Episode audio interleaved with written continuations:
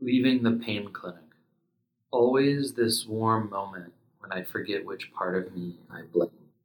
Never mind the pills kicking in, their spell that showers the waiting room once full of shame in a soft rain of sparks that pity sometimes is. How it mends the past like a welder seams metal. And isn't that why we're all here? Addicts and arthritics. We close our eyes completely, the edges only blur. And though the door is the same, somehow the exit, like the worst wounds, is greater than the entrance was. I throw it open for all to see how daylight, so tall, has imagination, it has heart, it loves.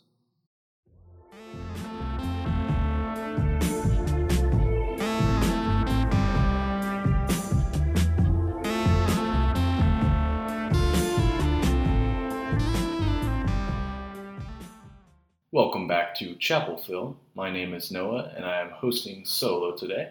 In this episode, we'll be discussing the opioid crisis, uh, not from the perspective of a doctor or a, a pharmacist, but a poet. William Brewer is a winner of the National Poetry Series and a former Stegner Fellow at Stanford University.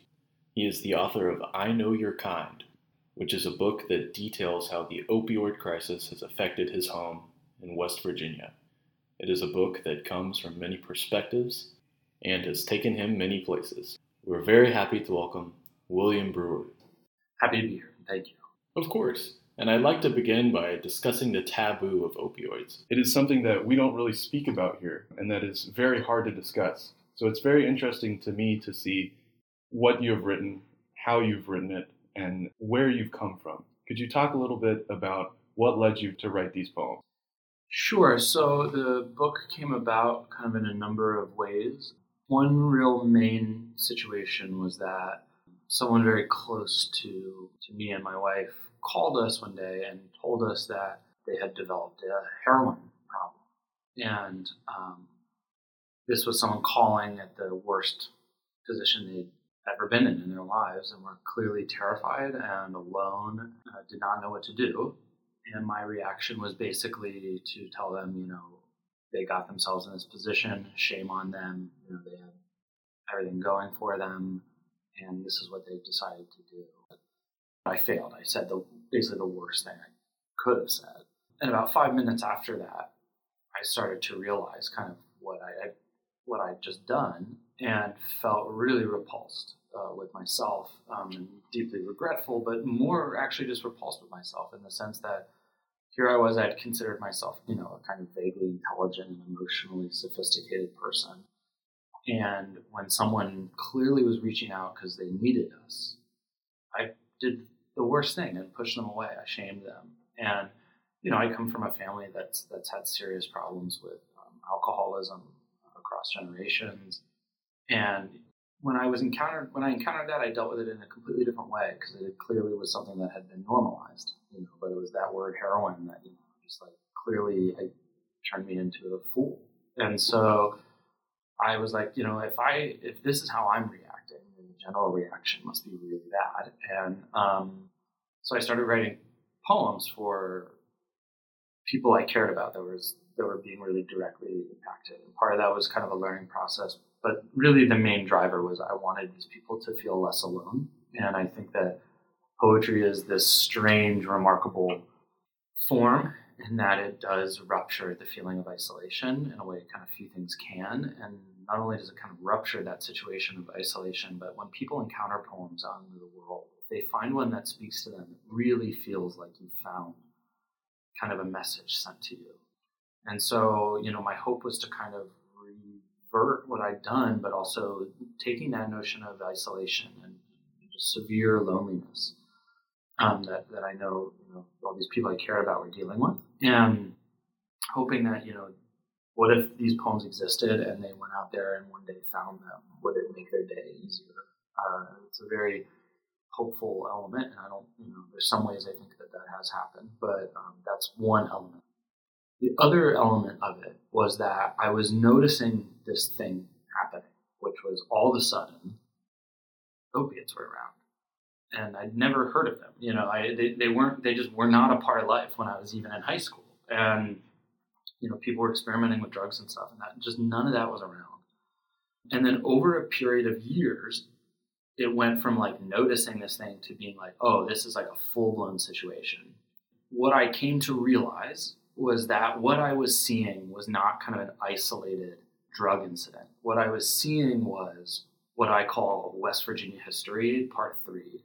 And by that, I mean the history of West Virginia specifically, but really Appalachia more generally, is a history of extraction. It's an extraction culture. So, timber, coal, minerals, and now natural gas. Those forces have controlled the state's economy forever. Much of the state's history, it was people having nothing, a couple people making millions, you know, not billions of dollars, and then destroying the land and then leaving people to their, to their devices. More recent kind of perspectives have really gone so much as to say, like the writer Leslie Jamison in her book, The Empathy Exams, when she went to West Virginia for the first time, she was like, West Virginia is a developing nation. You know, it's a place that had immense kind of mineral wealth. It was all stolen, basically, and then all the people there that provided the labor were left with nothing.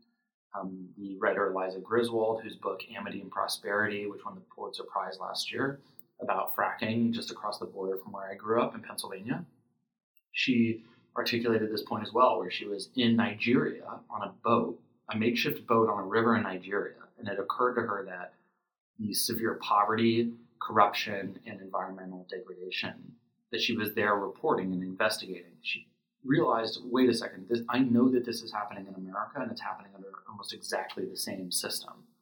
The comparison being that West Virginia is really more of a colony than it is a state by a lot. Of, I mean, early in its history, most West Virginians weren't making American money, they were making company script. what that means, though, is the sense that there is a precedent there of people, specifically corporations, knowing that they can go in, make a ton of money in deeply unethical ways, and get out without really a stink. So I published the book in um, 2017, and I think it was December of that year, around then, that reports were finally made public that did some of the numbers. And it was three, basically three pharmaceutical companies had chosen uh, pharmaceutical distribution companies, had pumped 780 million pills into the state in a period of six years. So you have a population of 1.7 million. The math breaks down to like 433 pills a person. It was a complete institutional slaughter. It was corporate greed, American greed run amok, which is, you know, capitalism run amok is the history of, of Appalachia. And so when I realized that, something in my head kind of clicked as an artist, I'd really not wanted to be associated with Appalachia, in part because you're often p- pigeonholed as a as a regionalist, and then they, you're never supposed to write about anything else ever again. But when I realized that that was what was going on, I mean, that kind of came that was shaping in my brain as I was working on the book, and then you know this notion of being used to make profit, being forgotten about by the rest of the country. Um, that these corporations kind of knew that they could go there and get away with this. Um, but most of all, the, the history of, of, extraction is that the people who, who did all the work, or in this case, the people whose bodies were used to make the money, always comes with this kind of severe refusal of dignity. And that really has always bothered me. Um, and so my hope was that I could write a book that West Virginians would find, if that was possible ever, that they would open it. They'd open it and say, at least someone sees me. Whether or not I succeeded, I can't say. Um, you know, I've been fortunate to hear from some people, but there were two kind of main drivers in the creation of the project. Yeah, and that is so powerful that you could look at a culture of, of extraction and see that it's become a culture of extortion, where there's no empathy from corporations, but definite incentive to move in and capitalize on people's needs and desires and turn them into addictions where they can profit more.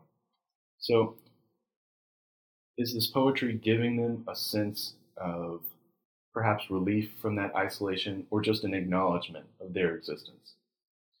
I can't say for sure because you know one of the weird things about being a writer is you, you never get to read the book that you wrote. Right. You know, I have no idea how it has landed, but I have been fortunate to hear from not the people you know who I wrote the book for, but also people I've never met. You know, and I get letters from people, or I, I am contacted kind of via people. You know, and more than once, I people say that the book made me feel less alone, and that really hit. You know, that I feel very humbled when I hear that. I'm really grateful.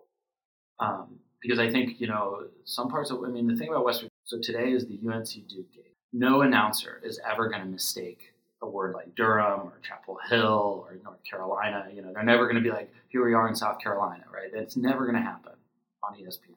But I mean, anytime I, you know, every year of my life, I've watched WVU basketball, West Virginia University basketball during the tournament or something and they say Virginia or Western Virginia, you know, Oh. they don't they don't know that you're a state. And How so, can they do that? Well, but it's you know it's it's it's that you can take that as much as you want. It sounds anecdotal, but it's actually true. And you know, when people are like in a really small rural state like that, you know, and like your team is on the state national stage, like you're excited and you're prideful. And the fact that these are like public speakers who just do not understand that this team is not from the state of Virginia, from the state of West Virginia, you know, spin that in in, in, in enough ways, and that's a feeling of erasure that's really huge in the state, you know, and it and it bothers people. It's horrible to feel like the world doesn't know you exist.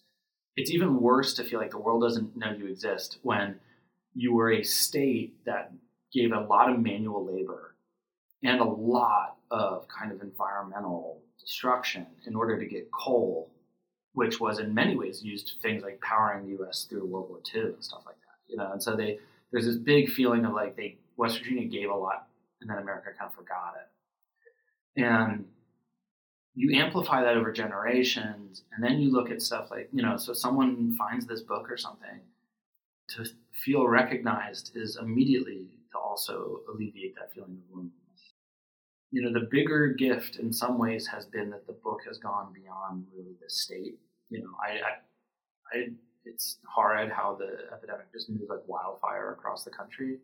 So I've heard from people from you know the Pacific Northwest, the Southwest, you know Deep South. Like that's been a huge gift, and people seem to say that it makes them feel less alone. So um, I hope that is the case. That's certainly something I want those people to feel. Right. Yeah. And this definitely speaks to other issues of how we even frame the opioid crisis. Mm-hmm. If we think about what it is that has caused it, what it is that has uh, created the extraction, it is mostly economic gains and, and benefits that we see in a place like West Virginia. And then I feel so many look at the, the issue and say, oh, well, we can solve this through economic institutions or through uh, governmental restriction. Um, whereas we leave no place for what has never been there, which is either empathy or recognition. And in philosophy, uh, people like Sartre have talked about this idea throughout time for different groups of people. He talks about a concept of being othered or Mhm. otherness. And when you are othered, no amount of policy change can alleviate what you were feeling or the state that you were in. It is something deeper that, that must be acknowledged. Do you feel like in discussions of how we are going to, to solve the opioid crisis, we need to go beyond what institutions can offer and maybe look to ourselves first or look at the people that have been affected? Yeah, that's that's a great question. I think it's and it's also complicated. You know, I I'm an art maker, so I have no ability to comment on things like policy and stuff. I, I just it's not responsible for me. But you know, I, what I think art does make possible is it can reveal things to us that we maybe didn't want to understand or accept about ourselves or our communities. But it can also really open perspectives and, and things of that nature. And one of the values of books, in my opinion, you know, really even with fiction, time and time again, I have found myself completely lost in the world of a, of a person who I have, you know, technically nothing in common with whatsoever. And yet I am so attached to their experience and I'm feeling their experience somehow. That's to me like a gift that art can offer, but also I think art has a way of encouraging us to carry that outside of the book or outside of the museum. You know, so when I finish a, uh, a, deeply emotionally uh, uh, impactful novel, it changes how I move through the world. Maybe not forever, but definitely for a little while. So I'm always in favor of that idea that we need to see what is the situation in hand on a kind of maybe emotional or spiritual or kind of community driven level. And it never surprised me that the thing that took over these chemicals designed for pain, you know, I mean that that was the thing, the pain element felt really um, true to me. It was like, of course, that's why these hurt because, or that's why these clicked because there is there is a sense of pain. I think that really vibrated constantly under the surface in a place like Appalachia and maybe throughout the United States for that matter.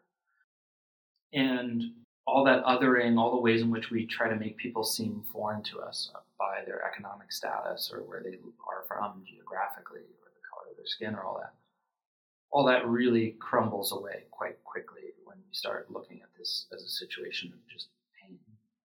But again, there's probably people who would say, well, the data suggests that like any drug was going to do this, and this is just kind of the one that clicked. And that's maybe true, but there seems to be something about that. And I think that, you know, the epidemic has been so rapid in its growth and has made its way so far across the United States that the degree of separation between you and someone who's been really deeply affected by it is just so small now. You know, that I think that othering, it's kind of like, okay, well, you got to make the choice. Are you going to other your cousin or your sibling or, you know, your neighbor? And I don't want to do that. And I don't think a lot of people actually do. So maybe that will come apart, but it's going to come apart because of kind of dire circumstances.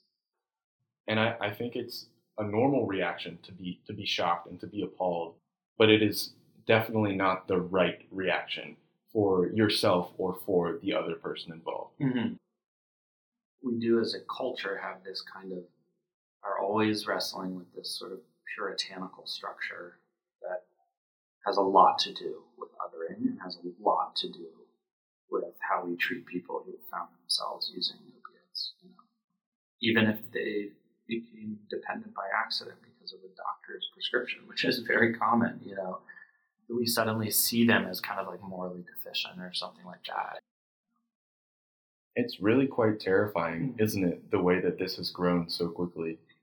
I've had roommates in the past who have had chronic back pain, and they would complain, "Oh, I, I don't want to to get anything for my pain. I cannot become addicted. I cannot mm-hmm. allow myself to go down that path." Mm-hmm. And it's a fear that that I think I share and that many people share. It's sort of an, an unknowing uh, relationship with our future. What is it that makes this so faceless and so terrifying to deal with? You know, one of the things like with West Virginia, for example, was like it just happened out of. You know, I mean, that was something that was so shocking. Was I mean, out of the blue, all these chemicals were around that people didn't even know the names of. So I think that thing where it just kind of like all of a sudden it just went off like a bomb. That's terrifying. You know, when something like that comes and you're not prepared for it, we feel betrayed by our senses. And then we feel betrayed by our sense of community and our sense of what, like the laws. But, you know, with the pharmaceutical companies and stuff, everyone's looking around like, in what way was this allowed? You know, like there were supposed to be people that protected us from letting this happen. And that kind of betrayal i think is part of what made it really terrifying. You know being afraid of like going to the doctor for back pain and like i don't want to get i don't want to become addicted to these pills they're going to give me there or something like that's real. And, but part of that is that you know they weren't they weren't really being properly prescribed they would give you huge prescriptions really big prescriptions and that was a serious problem so the medical industry is catching up to that i think um, the sense of kind of losing what feels like free will is going to be terrifying for anyone. There's a lot of debate in philosophy and in theology about whether or not we have free will at all. Uh, but just the sense of like, hey, I touched this chemical and now it owns me. I mean, that's terrifying for anyone. That, that notion is, and it causes a kind of deep existential fear. there's a lot of I think confusion on people about you know how do you live a life that feels full and present. It's really easy to understand how appealing these chemicals can be because if you really if you feel really down and out and then you take a pill and it feels like you know, kind of God is giving you a bear hug, you know, I'm not going to judge anyone for wanting to return to that. And and so maybe that's part of why it's really scary is because the, the power of them is real. It is. And I think sometimes we want to pretend that it's not. It takes you away, but it also owns a part in each member of your family as they worry about you, or each member of your community that knows you. Whether that is right or not, it definitely exists as well. One of the other things that I want to touch on, regrounding ourselves in your work, is uh-huh. the way that you use uh, different perspectives. Mm-hmm. You don't write always, um, certainly not from your own perspective. Mm-hmm. Mm-hmm. Sometimes it is of the addict or mm. of the individual that's affected. Sometimes it's of someone else who knows, or sometimes it's unclear. Yeah, so when I developed kind of a reading life and a literary life, it was mainly being taught to me through fiction. I went, I went to West Virginia public schools. I was taught like two poems, and so my life really was a was a fiction driven literary life. And the precedent of of kind of poetry being a direct expression of the writer is an idea that has traction only in like really like the last decade. There's just countless cases of I mean, so you you open up the Odyssey first line of the Odyssey is tell me about a complicated man. And then the next line drop down, muse. Right. So the idea is even that giant poem was not the utterance of a speaker. It was the utterance of something bigger moving through a speaker if you look at the history of poetry, I mean, it has no real tradition as being like strictly nonfiction or something like that. So I really approached it more almost from how one might build like a social novel something like that. So there's kind of the voice of the populace. There's voices of people who are, are currently struggling with, with use. You know, the voice of parents, of siblings, of friends. And that was really a deliberate choice because another part of the problem, I think, is that you know someone says, "Hey, I'm, I'm struggling. I've, I've developed a, a heroin use problem, and I'm really afraid." And we say, "Well, that's their problem to struggle with," but it's not because I mean, the minute that that conversation starts, like, no, it's part of my life, and um, really trying to show the way in which a whole network of people is involved with something, is connected to it, and really is needed to, to deal with it it would not have been right to portray the situation as something that only the people who are most acutely suffering have to deal with. I hope the book maybe makes an argument for is this idea that, you know, pain is not something that stays within the individual. It moves beyond the body and beyond the self. When my wife hurts, I hurt very much too and, and want to kind of hold her hurt. And that's true for people that are struggling with with this epidemic is that we we have a duty to be kind of good neighbors, and, and poetry is perhaps the great art form of experience. That it records experience more precisely than anything. That to me is really remarkable, and I think what you know part of what made the form important is that sense of intimacy, the the real immense intimacy of, of someone finding this little page with a couple lines on it and yet finding their experience in it. And in that moment, making them feel less alone is really profound. But it's also, you know, people who are suffering, I don't think want to, they don't want to look at data. You know, they don't want to be reminded that they are data. Mm. You know, and I don't think they want to see themselves on the news or see their friends on the news or in an article. And what poetry offers them is the moment to feel their self or maybe even at times their soul be recognized in a way that data or policy or a politician is never going to be able to do. I'm just going to let that resonate. Mm-hmm. That is wow. Mm-hmm. Something that we can't create in any other form except this. It's when you read William Butler Yeats and you feel his existential dread and you feel what he is asking of God. It's when you read Pablo Neruda and you can see his connection to the Chilean lands, but Mhm. also to, to women. It's when you read even Silverstein and you can feel what it is like to be as a child. Yeah, I think you're you're absolutely right. I'm not a huge kind of um, genre person. I don't believe you know you must believe in poetry and not believe in fiction.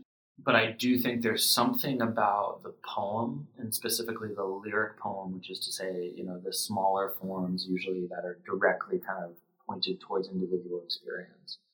When one encounters them, it can become a kind of almost totem that they carry with them, you know, forever, or or that shocks them awake out of the, the bad dream they're in. And the other thing about poems is that's interesting is that they can flutter around, whereas like a novel, you know, it's hard to kind of like suddenly come upon a novel. But like you find this thing just posted on a wall somewhere or something. You know, I had someone send me a letter that one of my poems had been posted on a wall in a house they were in. I love that about it. Well, I just want to thank you again.